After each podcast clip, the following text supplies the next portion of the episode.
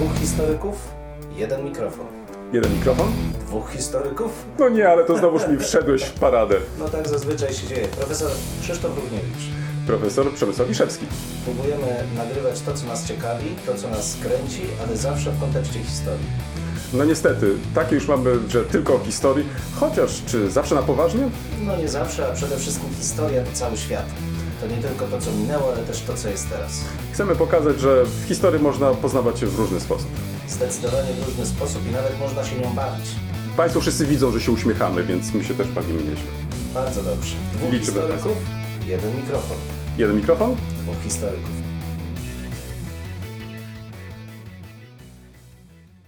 Kto teraz zaczyna?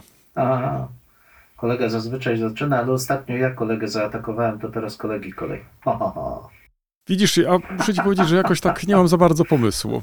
Jakoś tak jestem po prostu przybity, wiesz, to znaczy mm, już od y, przecież w końcu kilku dobrych y, dni nic innego nie robię. Jak śledzę, co się dzieje za naszą wschodnią granicą, czytam, uzupełniam wiedzę, mm, staram się jakoś tam, na ile to jest naturalnie możliwe, też e, pomóc tu czy tam. Jakoś tak, no nie wiem, jakoś, o ile z jakąś taką werwą e, zaczynałem te nasze spotkania, przynajmniej tak mi się wydawało, tak teraz ach, jakoś tak para schodzi ze mnie. Nie wiem, no po prostu nie wiem. E, Czy to jest e, objaw zmęczenia? Raczej chyba nie to. No, ale to chyba, wi- wiesz, to chyba normalne. Czy na pewno jest tak, że po każdym takim okresie napięcia i gwałtownego przypływu adrenaliny następuje potem odpływ tej adrenaliny. I to widać wszędzie, w każdych interakcjach, zwłaszcza tych ludzi bardzo zaangażowanych, że powoli zaczyna nas to dotykać. Ja bym nie traktował tego absolutnie jako czegoś e, jakby nienormalnego, natomiast cały czas, co, co powtarzałem, musimy myśleć długookresowo. I bardzo się ciesząc z, z tej atmosfery, jaka jest w Polsce, pomocy dla Ukrainy, cały czas z uporem maniaka będę powtarzał, myślmy długookresowo, oszczędzajmy się, trzeba się śmiać, trzeba żyć normalnie, bo my musimy pomóc Ukrainie w perspektywie miesięcy, a nie w perspektywie tylko tych strasznych tygodni, które minęły i które pewnie jeszcze są e, przed nami. Więc absolutnie normalna rzecz, że jest się zmęczonym, ale trzeba myśleć do przodu. Z uśmiechem. No, to przynajmniej ty masz takie bardziej pozytywne nastawienie. Wiesz, patrząc na to, co się dzieje, uważam, że właśnie powinniśmy mieć pozytywne. Kurczę, mamy dach nad głową, mamy jedzenie, mamy przyjaciół wokół siebie, nigdzie nie musimy uciekać. Naprawdę, kto jak kto, ale my powinniśmy być optymistyczni i właśnie tym optymizmem też pomagać tym, którzy takiego szczęścia niestety nie mają. To przejdźmy w takim razie już do naszej pierwszej części mm, nowinki, starowinki. Od razu zaznaczam, że będę monotematyczny. Jakoś tak dzisiaj się wszystko tak, e, wiesz, złożyło. Ale mam nadzieję, że, że w, w, w, za chwilę może w, zmienię trochę nastrój i jakoś tak będzie może nie tak smętnie. Ty możesz zacząć, bo ja mam krótką nowinkę, starowinkę i to taką mało optymistyczną, ale krótką. No dobrze, to ja słuchaj, zacznę i m- mogę wręcz tak roztoczyć przed tobą, przed państwem taką dużą opowieść. Nie wiem, czy jesteś gotów i czy państwo jesteście na to gotowi. Tak jak wspomniałem, mm, ostatnio nic innego nie robię, tylko siedzę przed tym komputerem i, i śledzę to, co się dzieje w kraju naszego sąsiada. No i wzruszam się przy okazji bardzo, kiedy słucham takie czy inne wiadomości. I ostatnio mm, trafiłem na taki fragment relacji z e, meczu e, z Liverpoolu, gdzie kibice mm, drużyny zaczęli śpiewać e, swój hymn. Pewnie kojarzysz go. You will never walk alone. I to było wszystko de- dedykowane naszym sąsiadom Ukraińcom ogromne wsparcie całego stadionu dla e, walczących Ukraińców. E, Jedna wielka manifestacja. Aż ciarki mi przeszły po ciele. Generalnie nie lubię piłki. Nie lubię też oglądać piłki. Mam krytyczny stosunek do tego, co robią kibice. Tu jednak, jak e, zaczęli śpiewać, wzruszyłem się. Ale to była dla mnie okazja, żeby mm, poszukać, poszperać, skąd się to wzięło, że ten zespół em, nie tylko śpiewa e, tą piosenkę podczas, e, podczas meczy, ale też ma w herbie nawet e, wers tej piosenki. Nie jest to przypadek, że właśnie ten zespół wybrał tą piosenkę.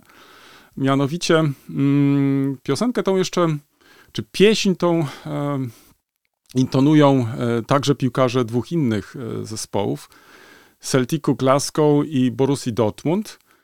Skąd się ona wzięła? Bo to, to mnie szczególnie zainteresowało, bo jak tak posłuchasz y, tych różnych wykonań, y, może nie tylko samych kibiców, ale też y, takich, które są dostępne w internecie, to jednak jak się przysłuchujesz tej pieśni, to ona jest taka bardzo smutna. No i tutaj znalazłem odpowiedź, mianowicie mm, powstała w 1945 roku i miała stanowić swego rodzaju pocieszenie dla rodzin ofiar II wojny światowej. I teraz tak, e, utwór ten skomponowali, jak sobie wypisałem, Richard e, Rogers i Oskar Hammerstein na potrzeby musicalu Karuzela, który został w 1956 roku zaadoptowany na film. Jaka jest historia w ogóle tej, tej, tej co opowiada ta, ta e, pieśń?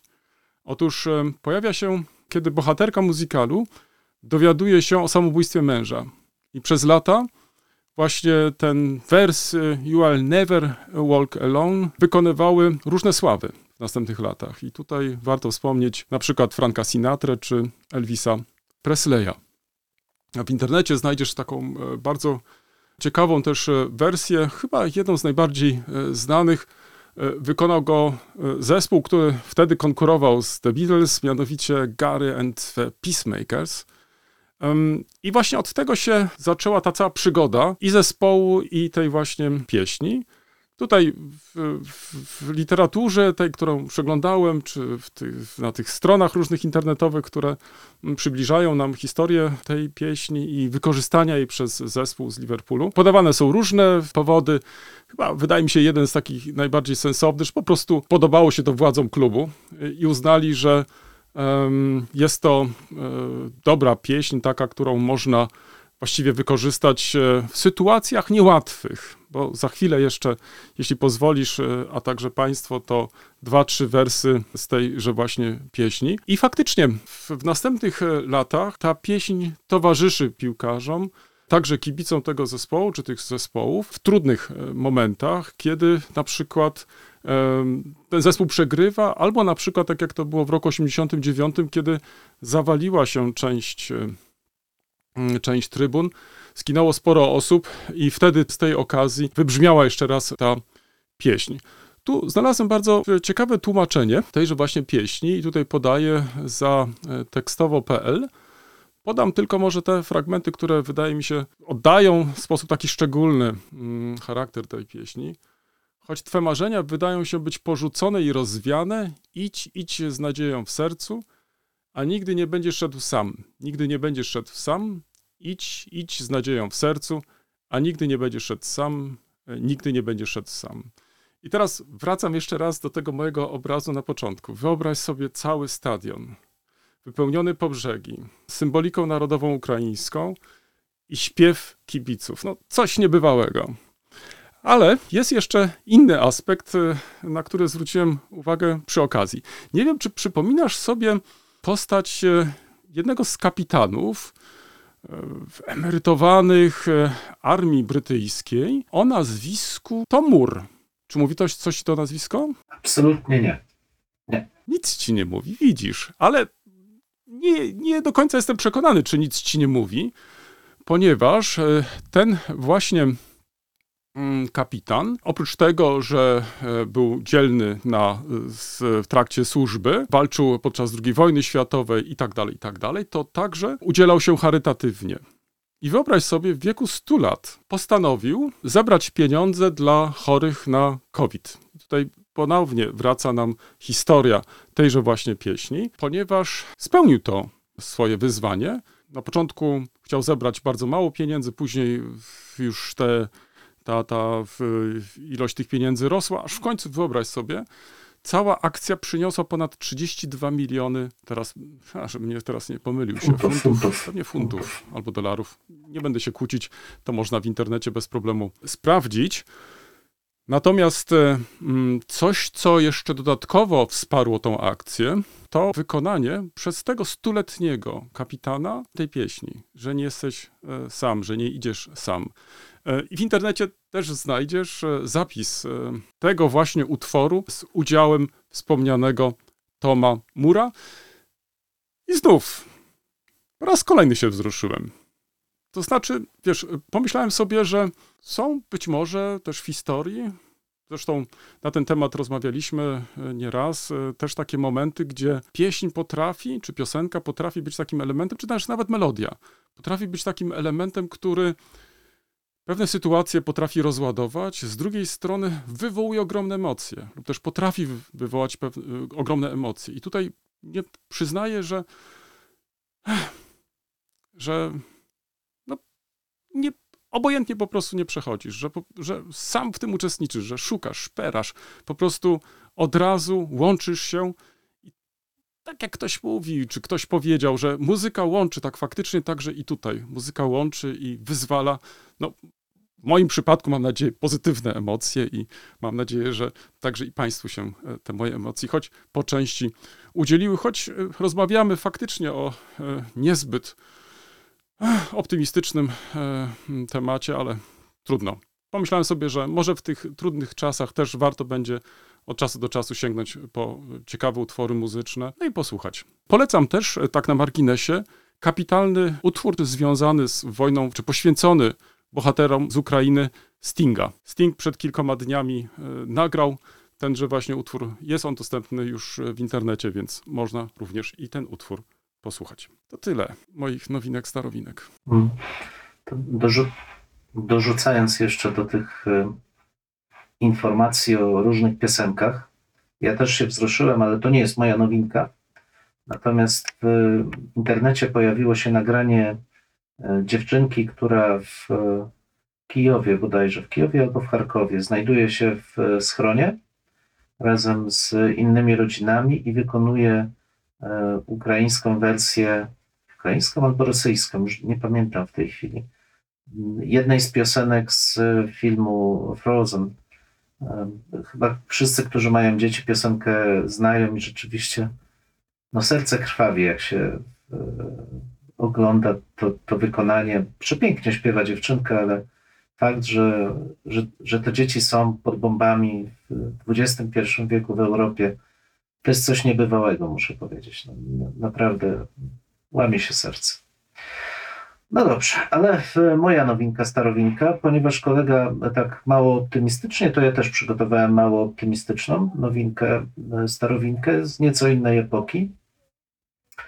Dotyczy ona e, świętego Augustyna, e, recepcji świętego Augustyna i analogii.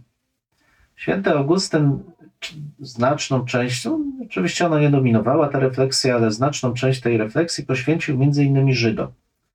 E, W tym sposobowi, jakie e, relacji, jakie powinny zachodzić między chrześcijanami i Żydami, żeby było jasne, bardzo mocno występował przeciwko e, przemocy i to tej mm, fizycznej, jak i tej e, symbolicznej, ale powiem dlaczego zaraz. Mianowicie on wywiódł, że e, Żydzi są podobni do Kaina. Tak jak Kain zabił swojego brata, tak Żydzi zabili brata, którym był Jezus. I teraz, e, tak jak Kain był naznaczony wiecznym piętnem, tak i Żydzi powinni być naznaczeni wiecznym piętnem, powinni nosić znaki, bo dzięki temu chrześcijanie zawsze będą widzieć i pamiętać o tych wydarzeniach. Wskazywał, że paradoksalnie e, obecność Żydów w społeczeństwie chrześcijańskim jest bardzo istotna, bo w ten sposób dowodzi w ogóle istnienia Boga zgodnie z mm, wyznaniem, zgodnie z teologią chrześcijańską, ponieważ Żydzi zostali ukarani przez e, Boga rozproszeniem e, po zabiciu, e, po zabiciu Chrystusa. Ich rozproszenie traktował jako karę, a obecność Żydów w obrębie społeczności chrześcijańskiej jako widomy znak mm, funkcjonowania tej sprawiedliwości Boga i funkcjonowania też Jezusa jako syna, syna Bożego zamordowanego przez, e, przez Żydów. No można by powiedzieć taka no, dość e, intrygująca analogia, ale moją uwagę przykuło różna, przykuła różna interpretacja tej mm, opowieści czy tego wywodu, bo on jest dość długi, to nie w jednym dziele też Augustyna się pojawia, ale był dość powszechnie wykorzystywany przez e, średniowiecznych myślicieli w różnych celach. I teraz, jak różne mogły to być e, interpretacje, możemy zobaczyć chociażby na przykładzie dwóch myślicieli, dwóch e, e, znamienitych zresztą średniowiecznych mnichów, bardzo wpływowych. I tak dla Bernarda z no, cystersa odpowiedzialnego za wielką reformę monastyczną, pisma Augustyna były mm, asumptem do występowania bardzo gwałtownie przeciwko zabijaniu Żydów e, w czasie mm, drugiej krucjaty. Bo święty Augustyn pisał o zabijaniu Żydów i bardzo mocno się temu sprzeciwiał, aczkolwiek wcale nie chodziło mu o zabijanie fizyczne. On bardzo mocno podkreślał, że Żydów nie należy zabijać, w sensie nie należy pozbawiać ich tożsamości, to znaczy nie należy też dążyć do ich konwersji. Obecność Żydów, zgodnie z tym, co mówiliśmy wcześniej, była po prostu użyteczna, jego zdaniem, dla chrześcijan. Dzięki nim cały czas przypominali sobie o ofierze Chrystusa, ale też o sile Boga, który był w stanie rozproszyć cały naród żydowski jako karę, występując w ten sposób jako sędzia i stosując to jako karę za zabicie Jezusa. Zatem Augustyn widział to w kwestiach takich kulturowo-wyznaniowych, religijnych. Bernard z w, tym, w tej sytuacji, w trakcie e, krucjaty, przełożył to dosłownie na język działań e, fizycznych. No i to jest jakby ta, e, ta jedna e, strona. Gdy z kolei e, Piotr e, Czcigodny opadł e, Klini, wielkiego opactwa benedyktyńskiego, um, także sprzeciwiał się fizycznemu zabijaniu Żydów, ale wskazywał, że rzeczywiście nie powinniśmy, nie powinni chrześcijanie się tego dopuszczać, ponieważ byłoby to zbyt dobre dla Żydów. Jego zdaniem Żydzi zasługują na karę tak mm, silną, tak mocną, że zabicie Żyda byłoby e, uczynkiem wręcz miłosiernym. W związku z tym trzeba się od tego powstrzymać. No i właśnie, wychodzimy tutaj od analogii e, biblijnej. Cały czas e, gdzieś krąży po średniowieczu ta wizja, mm, ta wizja kary, ale co jest uderzające, rzeczywiście te realia społeczne, w których Żydzi odgrywali bardzo istotną rolę gospodarczą, e, żyli zupełnie spokojnie wokół, obok chrześcijan w zasadzie do końca XII wieku, dopóki e, ta, zresztą napędzana przez, e, przez papiestwo, fobia antysemicka nie nabrała rumieńców, znajdu, znalazła swoje przeniesienie, ta, ta postawa tolerancji znalazła swoje uzasadnienie teologiczne w przerażających dość, e, w przerażających dość wizjach. To jest bardzo ciekawe, zwłaszcza dzisiaj, gdy no, próbuje się uzasadniać pewne, e, pewne działania, które no, mają charakter stricte polityczny i zupełnie em, nieakceptowalne pod każdym e, względem historiograficznymi wywodami, tak mówiąc oględnie, choć to, co mówił pewien prezydent pewnego kraju, trudno nazwać wywodem nawet e, historiograficznym. Zatem bądźmy uważni, jeśli ktoś odwołuje się do analogii, jeśli ktoś odwołuje się do tradycji, zwłaszcza tradycji świętych, lepiej sprawdźmy, poczytajmy szerzej, zanim przyjmiemy to, co jedna strona do nas mówi. I to tyle z moich nowinek. Przechodzimy do następnej części. Lektury. Hmm? Miałeś czas, żeby do czegoś zajrzeć? Tak, je- jedną książkę, bo z, z różnych, myślałem nawet o której, ale, ale jedną chciałem krótko omówić, bo też jakoś wiąże nam się z tymi, e, z tymi wydarzeniami, a jej recepcja chyba akurat w Polsce nie była e, zbyt, e, zbyt szeroka. W 2012 roku, a więc no już 10 lat, dekada minęła, amerykański mediewista, wtedy jeszcze, jeszcze młody, można powiedzieć, e, Christian Raffensperger e, opublikował taką niedużą książeczkę, bo w samej tej głównej treści mamy tam 100, chyba 80 stron, no, notabene 160 przypisów i bibliografii. No to prawdziwy mediewista. W każdym razie e, przygotował książkę pod tytułem Kievian Rus in the Medieval World. Tu data 988-1146, Reimaging Europe.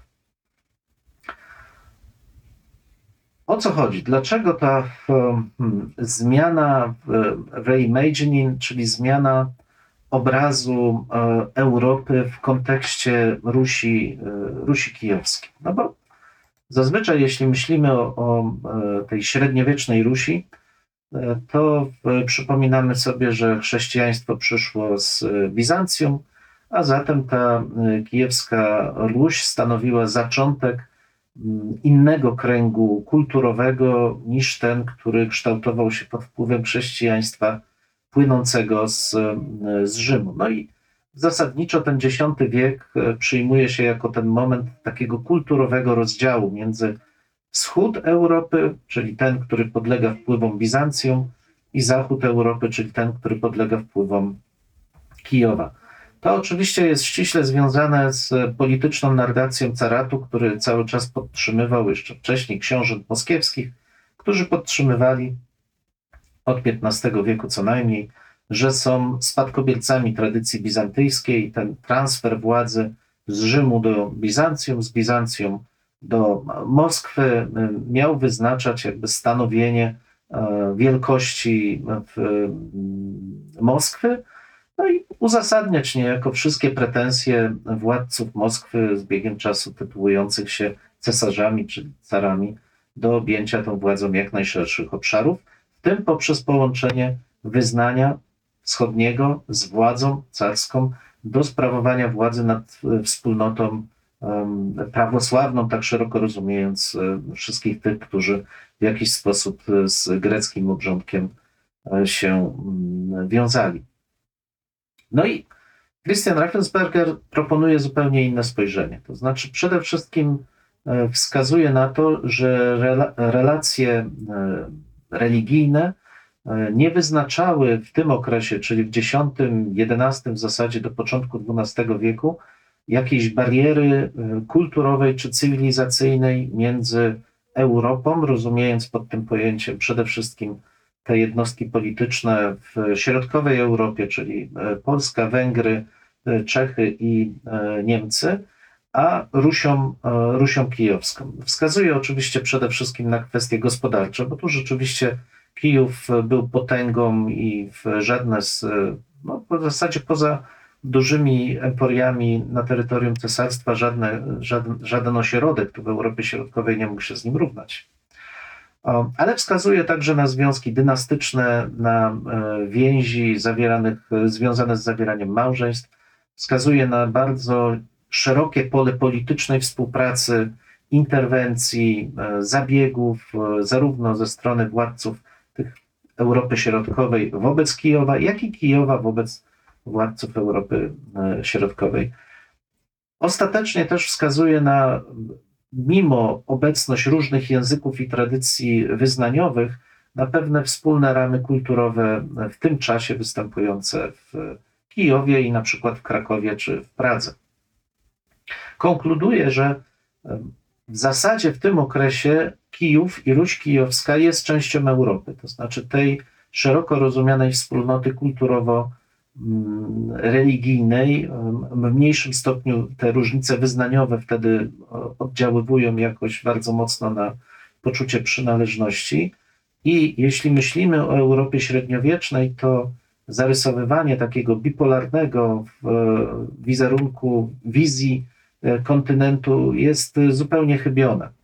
argumentuje, że ten moment rozdziału, czy w zasadzie oderwania Rusi od tego, co nazywamy Europą bardzo szeroko, następuje dopiero wraz z podziałami dynastycznymi. To jest połowa XII wieku, a następnie z najazdem mongolskim, który ostatecznie przerywa tą, tą, tą więź taką wspólną, łączącą Ruś, Ruś z Europą. Można z tym obrazem dyskutować, bo my możemy tu przytaczać e, różne wypowiedzi, które już w, gdzieś tam w XII wieku wskazują, że ten podział jest e, odczuwalny, ale ja ze swojej strony uważam, że bardziej niż podział, w zasadzie do najazdu mongolskiego widać właśnie wspólnotę, to znaczy polityka, zwłaszcza polska, tutaj średniowieczna jest, jest tak ściśle zazębiona z sytuacją na, na Rusi, że trudno byłoby mówić o jakimkolwiek e, głębszym rozdziale. Te, te bariery kulturowe e, wcale nie są jakoś e, wybitnie głębokie. Te związki małżeńskie między Piastami a, a, a Rurykowiczami są dość powszechne. Wojska i polskie w Kijowie, i kijowskie, czy ruskie na terenie Polski pojawiają się bardzo często jako wynik właśnie wspólnej polityki i co ciekawe, ich obecność nie jest traktowana jako jakiś dopust Boży, to znaczy pojawienie się obcych, których się nie rozumie, z którymi nie wiadomo, co, e, co zrobić. Raczej jest to w cudzysłowie normalny efekt e, działania e, politycznego. Więc to przeobrazowanie, reimagining Europe, Europy, które proponuje nam Raffensperger, dzisiaj zwłaszcza wydaje się zdumiewająco wręcz aktualne i taką lekturę chętnie poleciłbym niejednemu politykowi, który wypowiada się dzisiaj o, o sytuacji politycznej. I myślę, że warto pochylić się nad nim, przemyśleć nawet wtedy, kiedy odrzucamy tą narrację rosyjską, żeby dostrzec właśnie te głębsze korzenie, dlaczego Ukraina ma prawo mówić, że jest częścią Europy i historiograficznie i politycznie, niezależnie od dzisiejszych niuansów e, sytuacji. I tyle z mojej strony. Świetnie, że zwróciłeś na tą problematykę uwagę i to, co też e, powiedziałeś e, mm, o tym bipolarnym takim postrzeganiu historii w tym czasie, to znaczy pewnie miałeś na myśli wschód-zachód, prawda? To znaczy coś, co się wlicza do zachodu, a co się zalicza do wschodu. Mm, nie ukrywam, że ja podobnymi e, tematami się zainteresowałem, chociaż nie sięgałem aż tak daleko. Ta problematyka jednak stale wraca w dzisiejszych po prostu dyskusjach. To znaczy nie tylko, czy um, Ukraina jest częścią Europy, czy też nie, tylko także jeśli chodzi o oskarżenia, nazwijmy to tak, czy tam te pseudohistoryczne rozważania Putina e, wobec um, o Ukrainie, także i ta problematyka się przecież e, przewija. Natomiast e, to, na co ja tym razem zwróciłem uwagę, to trochę nadrabiam zaległości, to, to się przyznaję. Mianowicie zauważyłem, że w ostatnich latach, poza może moimi zajęciami, które prowadziłem z historii najnowszej, i byłem mniej lub bardziej zmuszony za każdym razem odświeżać sobie zestawy lektur, to nie były to lektury pogłębione. Teraz jednak e, mam takie mm, wrażenie, że mm, coraz głębiej wchodzę w taką czy inną problematykę, zwłaszcza w tą dotyczącą Europy e, Wschodniej. E, I mm, muszę przyznać, że mamy bardzo dużo ciekawych propozycji. Ale tu pojawia się problem, który już zaczynam obserwować, może nie u, u siebie, bo, bo, z tym nie mam żadnych problemów, ale u osób, z którymi rozmawiam. Na przykład e, pojawia się, ja nie wiem, czy ty spotkałeś się też już z takimi zdaniami, że nie będę czytać e, na przykład e, mm, opracowań rosyjskich autorów. Tak jakby nie mieli oni nic ciekawego do powiedzenia, na przykład nam współczesnym. No, z mojego punktu widzenia jest to bardzo zastanawiające. Nie wiem, jak ty to widzisz. Czy spotkałeś się już może z takimi właśnie wypowiedziami? Jeśli ktoś takie rzeczy mówi, to najprawdopodobniej nigdy nie czytał tych e, opracowań, bo nie oszukujmy się, historiografia rosyjska e, od lat 90. wypadła w zasadzie z obiegu w e, polskiej hmm. historii, także ze względu na problemy językowe. o ile jeszcze moje pokolenie spokojnie jest w stanie czytać i może nawet dyskutować, choć tu byłbym już pełen wątpliwości, ale czytać język rosyjski w oryginale jesteśmy w stanie tak samo jak ukraiński. O tyle dla młodszego pokolenia sama cyrylica jest już problemem, nie mówiąc o znajomości języka. Natomiast ja absolutnie jestem przeciwny takiemu podejściu e, generalnie e, dyskredytującemu kulturę jakiegoś narodu ze względu na szaleństwo polityków czy części narodu jako takiego pod wpływem tych polityków. To raczej powinniśmy my się głęboko zastanowić, jakie wartości są dla nas istotne i jakie wartości z tej kultury jesteśmy w stanie promować, żeby ludzi, którzy żyją tą kulturą, wspomóc. Całkowita racja i też e, to jest mój punkt widzenia. Dlatego też e, tydzień temu wspomniałem o dwóch publikacjach. Ich jeszcze nie skończyłem czytać, bo, bo nie zawsze mam po prostu czas, e, ale sięgnąłem do kolejnej, więc być może następnym razem będzie to jakaś taka zbiorcza recenzja. Mianowicie w tych dniach ukazała się nowa książka, tym razem Władysława Innozjencewa, pod tytułem Nienowoczesny kraj Rosja w świecie XXI wieku. Przetłumaczyła tą książkę Katarzyna Chimiak. Książkę czyta się naprawdę z, z dużym zainteresowaniem. Kim jest Władysław Inozjencew? Część być może z Państwa go zna, ponieważ e, jego teksty były wcześniej publikowane po polsku. Ta książka, o której e, dzisiaj e, wspominam, powstała też w Polsce kilka lat temu, mianowicie książka ukazała się w 2018 roku. Więc z tego punktu widzenia ktoś mógł powiedzieć, to już nie jest może najnowsza literatura. Nie, uważam, że nadal ważna jest to książka i także warto na nią zwrócić uwagę.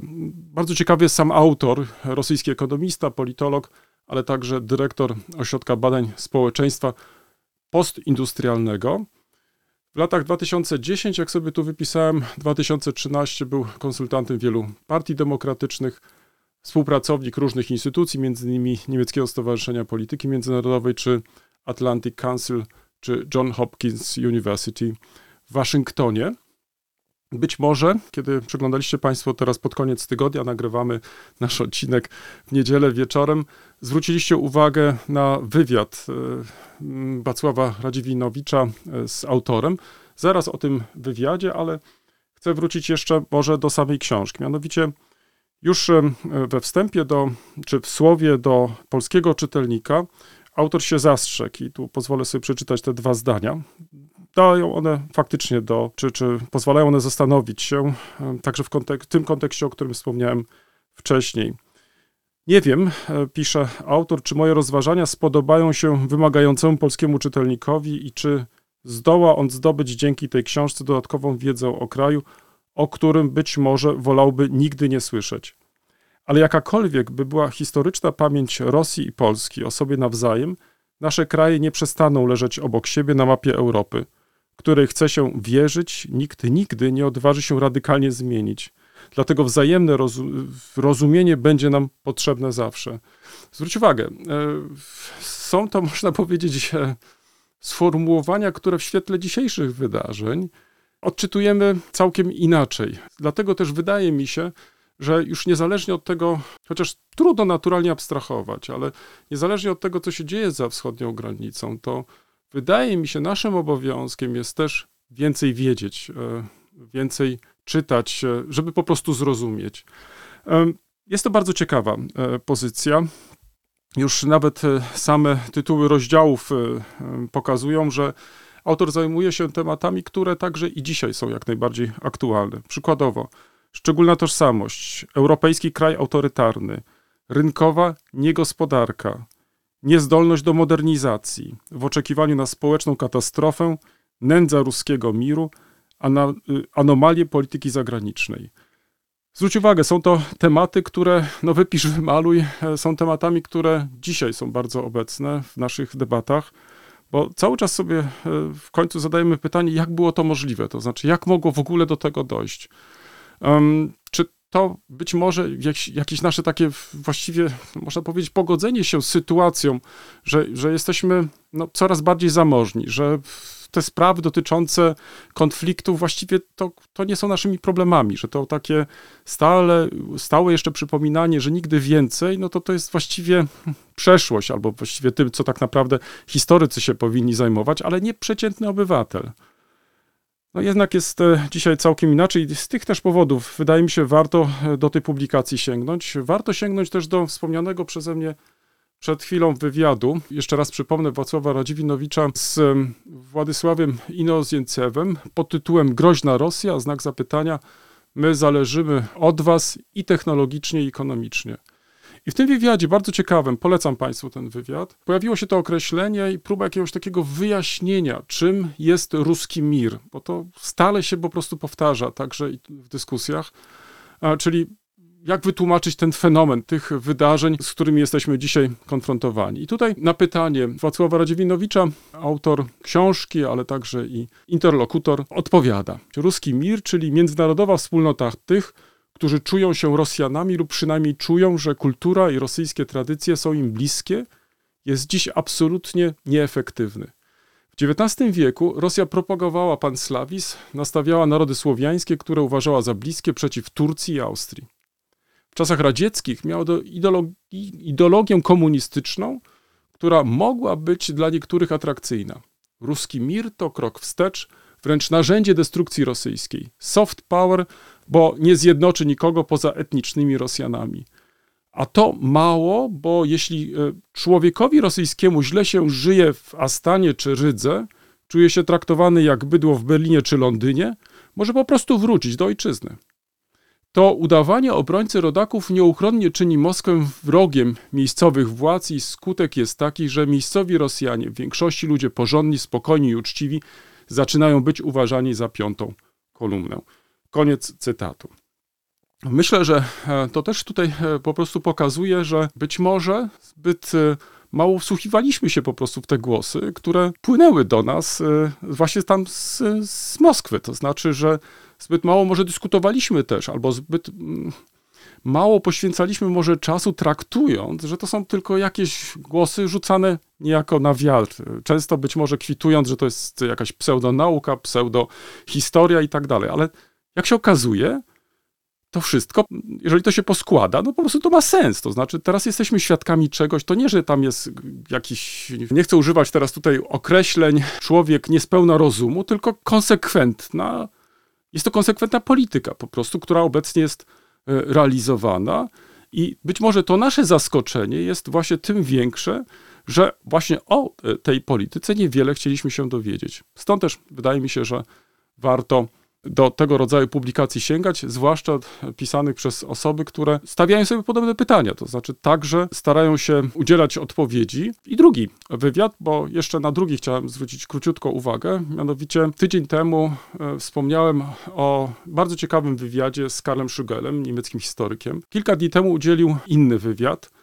I tutaj pojawił się jeszcze e, wątek, który jakoś dotąd e, nie bardzo wybrzmiał w przestrzeni publicznej. Mianowicie wywiad ten jest zatytułowany Von Grozny blieb nichts, das droht e, nun der Ukraine. Z Groznego nie pozostało nic, zagraża to teraz Ukrainie. No i tutaj osoba pytająca e, zadaje takie pytanie. W Anneville powiedział pan, że w 1936 roku Arthur Kessler czy Ernest Hemingway udali się do Hiszpanii, by walczyć z faszystą Franco.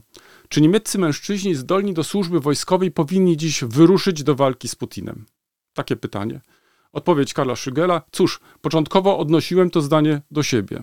I następne pytanie. Ale był pan osobą odmawiającą służby wojskowej ze względu na sumienie?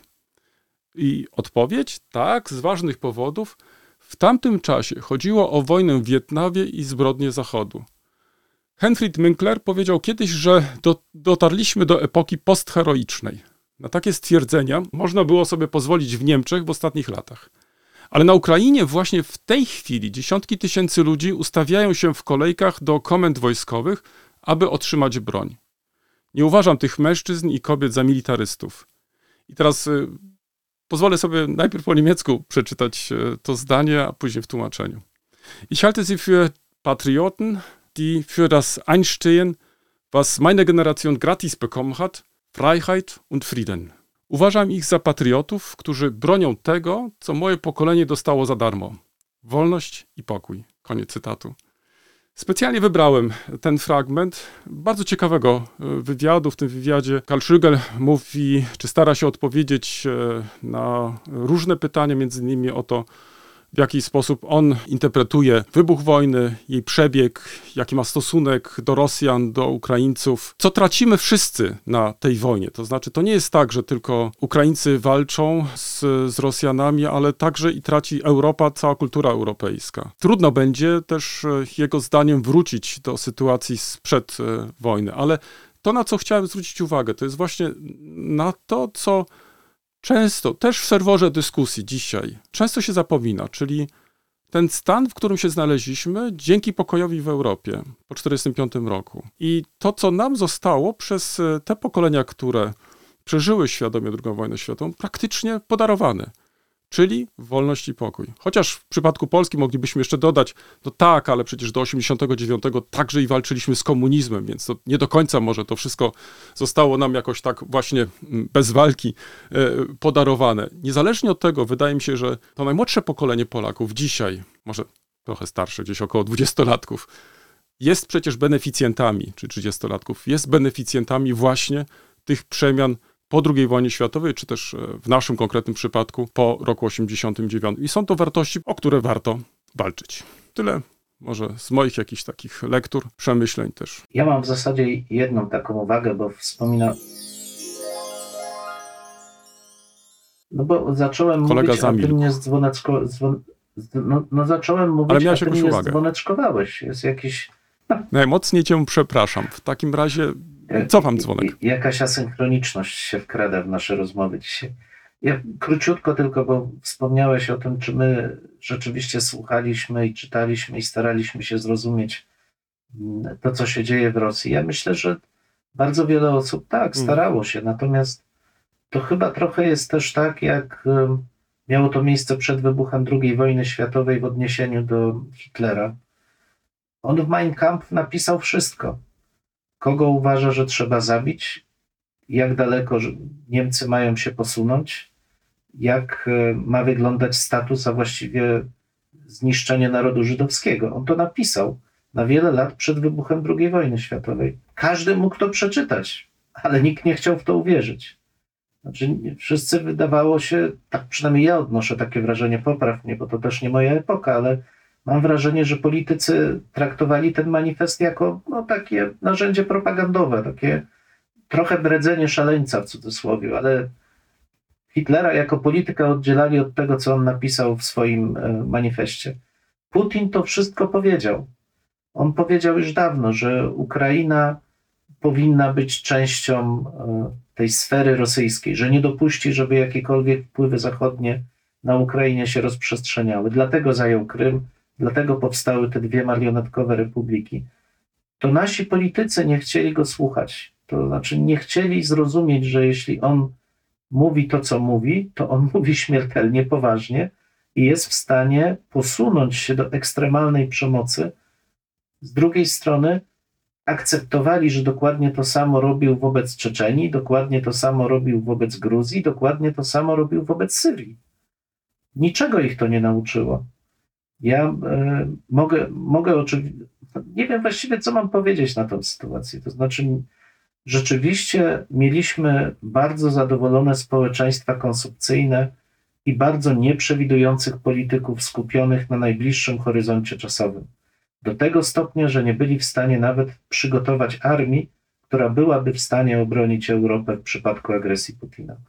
To pokazuje tylko, jak bardzo zepsutą mamy klasę polityczną. Bardzo przepraszam, że to mówię, ale zepsutą nie w tym sensie, że nie wiem, skorumpowaną, ale nieprzygotowaną do długookresowego zarządzania społeczeństwem przyszłości. I to bardzo mnie boli i przyznaję, że no, jestem pełen niepokoju, bo uważam, że jeśli coś ma obronić Ukrainę, to niestety obronić mogłaby ją tylko zbrojna interwencja, a na to się nie będziemy w stanie zdobyć z różnych powodów, więc z niepokojem czekam, jakie będzie zakończenie tej, e, tej wojny. Mhm. Choć, e, no, może taki element z mojej strony optymistyczny, że tu też możesz mnie poprawić, możecie Państwo mnie poprawić, ale chyba po raz pierwszy od II wojny światowej udało się Zachodowi zjednoczyć. To znaczy jednak e, mówić, przynajmniej jak na razie, wspólnym językiem, współpracować też ze sobą. Jeszcze jest może druga jakaś taka konstatacja, że mamy powrót Stanów Zjednoczonych do Europy, gdzie przecież jeszcze niedawno podważano obecność amerykańską i sens w ogóle zaangażowania amerykańskiego. Jednak teraz się pokazało, że no, bez udziału Ameryki no, trudno przynajmniej jak na razie, stworzyć jakąś pewną przeciwwagę do tej agresji, której jesteśmy dzisiaj świadkami. Także myślę, że to też jest jakaś nauka dla nas, to znaczy, żeby myśleć jak najbardziej o przyszłości, to znaczy, a myśląc o przyszłości, to znaczy to, w jaki sposób narody europejskie mogą ze sobą współpracować, jak mogą się wymieniać, jak mogą też e, uniezależniać się od e, Rosji, a żeby móc e, być tą przeciwwagą. Jak widać, Putin, Moskwa liczy się tylko z silnymi partnerami. To jest chyba jedna z takich konstatacji, nad którą też powinniśmy w przyszłości się zastanawiać, powinniśmy dyskutować. No i akurat wkraczamy dobrze w temat naszego spotkania. To co, teraz myślę, że możemy? Absolutnie. To tamten dźwięk był falstartem. Um, chciałem Cię wyciągnąć trochę na takie rozważania, z którymi dzisiaj jesteśmy stale konfrontowani. To znaczy, często w różnego rodzaju dyskusjach publicznych, w mediach pojawiają się odwołania do historii per analogiam, to znaczy używania, używania analogii e, w historii. Na ten temat jeszcze jakoś tak e, szczególnie nie rozmawialiśmy, to znaczy, czy odwoływanie się do y, różnych wydarzeń, postaci z przeszłości jest czymś naturalnym, czy też czymś nadzwyczajnym? Czy jest czymś, z czym historycy stale mieli do czynienia? No i jaki jest nasz stosunek do e, właśnie przytaczania różnych e, wydarzeń, czy też postaci z przeszłości? Czy nie jest to trochę też takie hmm, pójście na łatwiznę, to znaczy, albo może inaczej, że to jest jednak coś naturalnego, to znaczy coś, co sprawia, że my w ten sposób możemy mm, w jakiś sposób, e, ach, używam za dużo e, tego określenia, w jakiś sposób, że możemy skonfrontować e, te tezy, które stawiamy, po to, żeby zrozumieć lepiej świat, który nas otacza. Jakie ty masz zdanie? No, ch chyba należałoby zacząć od tego, że analogia to jest środek retoryczny. To znaczy, jest to jeden ze sposobów, który stosuje się, żeby przekonać e, naszego rozmówcę, e, interlokutora do naszych argumentów. To jest jedna strona, ale druga to też jest to sposób zdobywania wiedzy. Bo zwróćmy uwagę, że człowiek uczy się przez analogię, obserwuje zjawiska, zwraca uwagę na zachodzące zmiany w tych zjawiskach i te, które są podobne, łączy ze sobą. To tak jak zrzucanie szklanki ze stołu. Jeśli raz zrzucisz szklankę ze stołu, to nauczysz się, że szkło się tłucze. I w podobnych sytuacjach będziesz przywoływał tą analogię, żeby już nie zrzucać kolejnej szklanki i nie sprawdzać, czy ta też się stłucze. Będziesz wiedział, szklanka mm-hmm. spadając, czy szkło spadając z jakiejś wysokości ma tendencję do destrukcji. Ale w przypadku wydarzeń historycznych e, dotyczących społeczeństwa jest coś więcej, bo tak samo jak ze szklanką mamy różne szkła i różne powierzchnie, i to też bierzemy pod uwagę. Jeśli spadnie na miękką ziemię, to jednak gruba szklanka się nie stłucze. To podobnie i obserwując. Przypomnij sobie arkoroki francuskie. One się rozsypywały teoretycznie na proch, ale to wielka ściema była notabene francuska.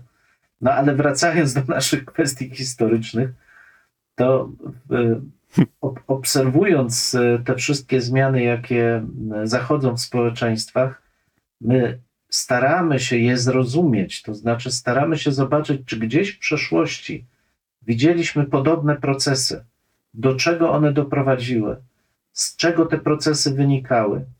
To pozwala nam przed przeanalizowaniem precyzyjnym tego, co widzimy teraz, mniej więcej przewidzieć to, co się wydarzy, bo Zwróć uwagę, że to jest naturalny ludzki sposób poznania. Stosowanie analogii w historii ma jednak także ten ładunek e, autorytetu. Jeżeli dyskutujesz, to przywołanie analogii z mhm. przeszłości, tej dobrze znanej, dobrze zaakceptowanej, daje ci taką przewagę w dyskusji. Kluczowe jest jednak pytanie o dobór analogii. Na ile właściwie się dobiera analogię, na ile jest w stanie się dopasować to, to zjawisko, które obserwujemy z tym, które się wydarzyło. I różnorodność tutaj jest e, ogromna. Tu w zasadzie sposób doboru analogii świadczy o tym, na ile ktoś poważnie dyskutuje i może dyskutować na jakieś tematy.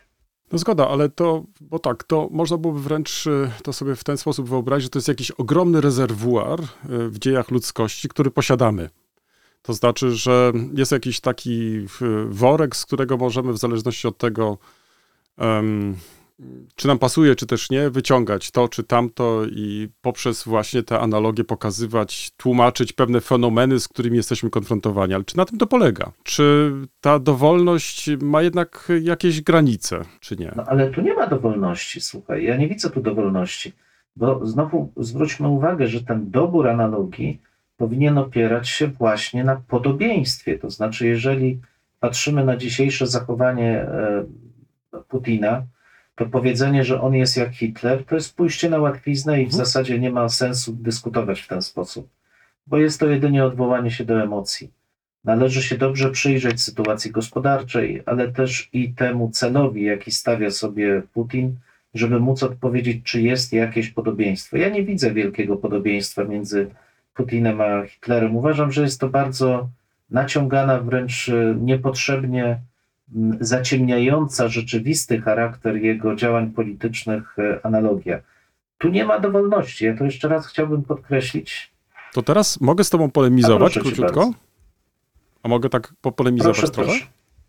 Bo zwróć uwagę, że nawet jeżeli, jeżeli nawet e, uwzględnisz debaty historyczne, jakie toczono w ostatnich latach na Zachodzie, zastanawiając się nad fenomenami, na przykład totalitaryzmu i tak dalej, to zwróć uwagę, że tym złym bohaterem nie do końca był Stalin. To znaczy, tym złym bohaterem był zawsze Hitler i myślę, że przecież to nie jest e, dla nikogo zaskoczeniem, że nawet jeśli jesteś na zachodzie Europy, to bez większych problemów kupisz e, różnego rodzaju dewocjonalia, to w cudzysłowie oczywiście nazwę, e, po byłym Związku Radzieckim e, niż na przykład po III Rzeszy.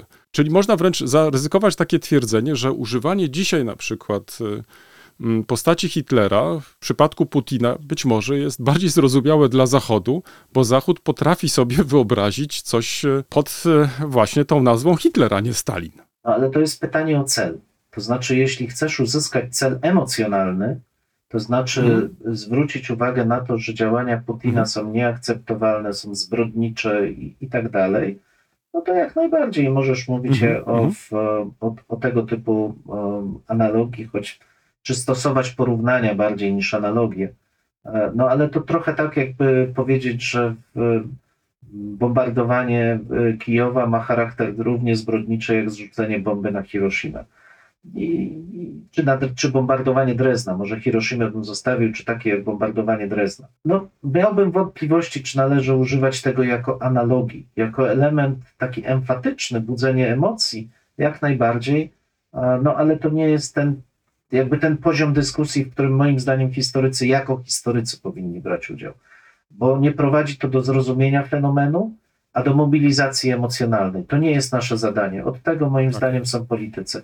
My powinniśmy raczej szukać analogii, które pozwolą naprawdę zrozumieć, znów, żeby naprawdę to się nie powtórzyło, albo żeby przynajmniej nie powtórzyło się szybko ta sytuacja, która jest w tej chwili na Ukrainie. Ale teraz użyłeś, e, zwróć uwagę, jeszcze innego określenia. I teraz pytanie do ciebie jest takie, czy uważasz, że powinniśmy je stosować zamiennie, czy też nie? Bo w, w, użyłeś e, porównanie jako określenie, to znaczy w kontekście analogii. Teraz co jest dla nas w takim razie ważniejsze? Stosowanie analogii czy porównania? Żeby wyjaśnić Ale fenomeny. wie- Ale wiesz, to znowu. Albo to znowu stosujemy jest to zamiennie. Może tak. inny, inne zjawisko retoryczne. Porównanie służy przybliżeniu czegoś, co ktoś już zna i może się do tego odnieść, ale analogia wskazuje na dużo większy zakres i podobieństwa. Czyli inny jest punkt wyjścia. Inny jest punkt wyjścia, inny jest też e, cel. Jednak porównując, zwracamy uwagę na jedną cechę, a analogia sugeruje, że mamy tutaj no wręcz pewną tożsamość e, e, zjawisk. inne, inne, inne narzędzie retoryczne, innemu celowi też służące. Ale co sądzisz też o takim zdaniu, że właściwie używanie analogii z jednej strony oczywiście może być pomocne. E, To prawda, bo dzięki temu możemy zilustrować pewne fenomeny i tak dalej, i tak dalej. Ale jednak e, być może w historii jest też i tak, że analogie nie wystarczą do tego, żeby wyjaśnić jakiś fenomen. Że być może mamy do czynienia też z nowymi zjawiskami, które w- jakiś sposób nie dają się e, nam zestawić już z wcześniejszymi. Czy mamy tutaj do czynienia jednak z determinizmem i wszystko już się wydarzyło, nic nas nie zaskoczy, wszystko możemy opisać tym, co już było. Wiesz, to jest jeden z takich trendów w moich dyskusjach z kolegami z nauk e, biologicznych czy ścisłych, którzy, którzy zarzucają badaniom e, z zakresu humanistyki powtarzalność e, i brak umiejętności tworzenia uogólnień, zajmowanie się ciągle tymi samymi zjawiskami, tylko w różnych drobnych, lokalnych kontekstach, co nic nie wnosi do naszej wiedzy. No ja uważam coś zupełnie innego, to znaczy człowiek jest bytem bardzo e, zmiennym, e, ciągle wierzę jednak w wolną wolę, przez to badania em, lokalnych kontekstów odsłaniają przed nami właśnie zjawiska nowe, em, niespodziewane czasami i e, tak jak uważam, że analogia jest pomocna, żeby trochę, żeby otworzyć umysł, to znaczy, żeby w tym pierwszym odruchu pokazać kierunek refleksji ale potem powinna iść e, ta rzeczywista analiza, to znaczy ta, która jednak oczekuje zdziwienia, jednak szuka tego, co jest nowe i co powoduje, że zjawisko e, zaistnieje. Ja jestem o tyle ostrożny w stosowaniu analogii i cały czas podkreślam, że bardzo ważny jest ten wybór, że analogie potrafią zdominować myślenie, tak samo jak porównanie, ukierunkować, założyć klapki na oczy i pociągnąć w jedną stronę. Natomiast rzeczywistość jest bardzo, bardzo, bardzo różnorodna i raczej powinniśmy traktować to tylko jako wstępne narzędzie. Nic nie zastąpi pracy nad analizą konkretnych przypadków.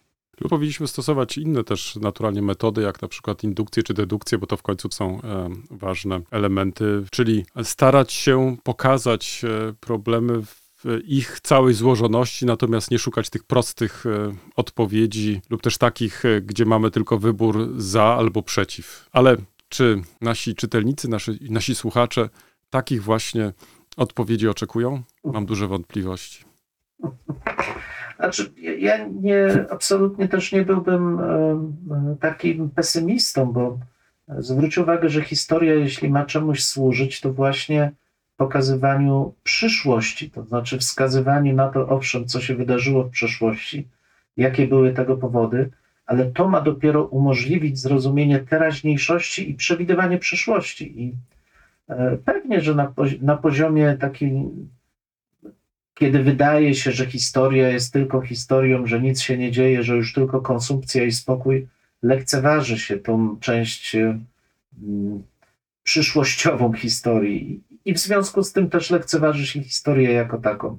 Ale wydarzenia takie jak te, które rozgry- rozgrywają się w Ukrainie, pokazują, jak bardzo płytkie jest to e, spojrzenie i jak bardzo to odrzucanie historii. Przypomnę tu jeszcze niedawno polityków, którzy uważali, że nauczanie historii jest zbędne w ogóle w szkołach. Może przynieść bardzo negatywne konsekwencje w postaci wyborów politycznych podejmowanych przez społeczeństwa. Specyficzne nauczanie historii powoduje, że naród rosyjski jest jaki jest i polityka rosyjska jest jaka jest. To także jest przyczyna i skutek.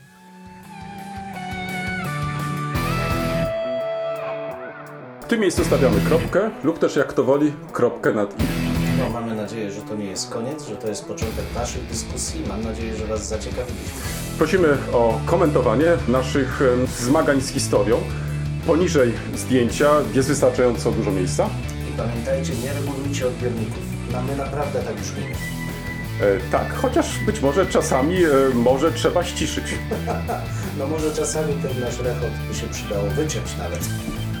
Dwóch historyków, Jeden mikrofon, jeden mikrofon. dwóch historyków. Dziękujemy.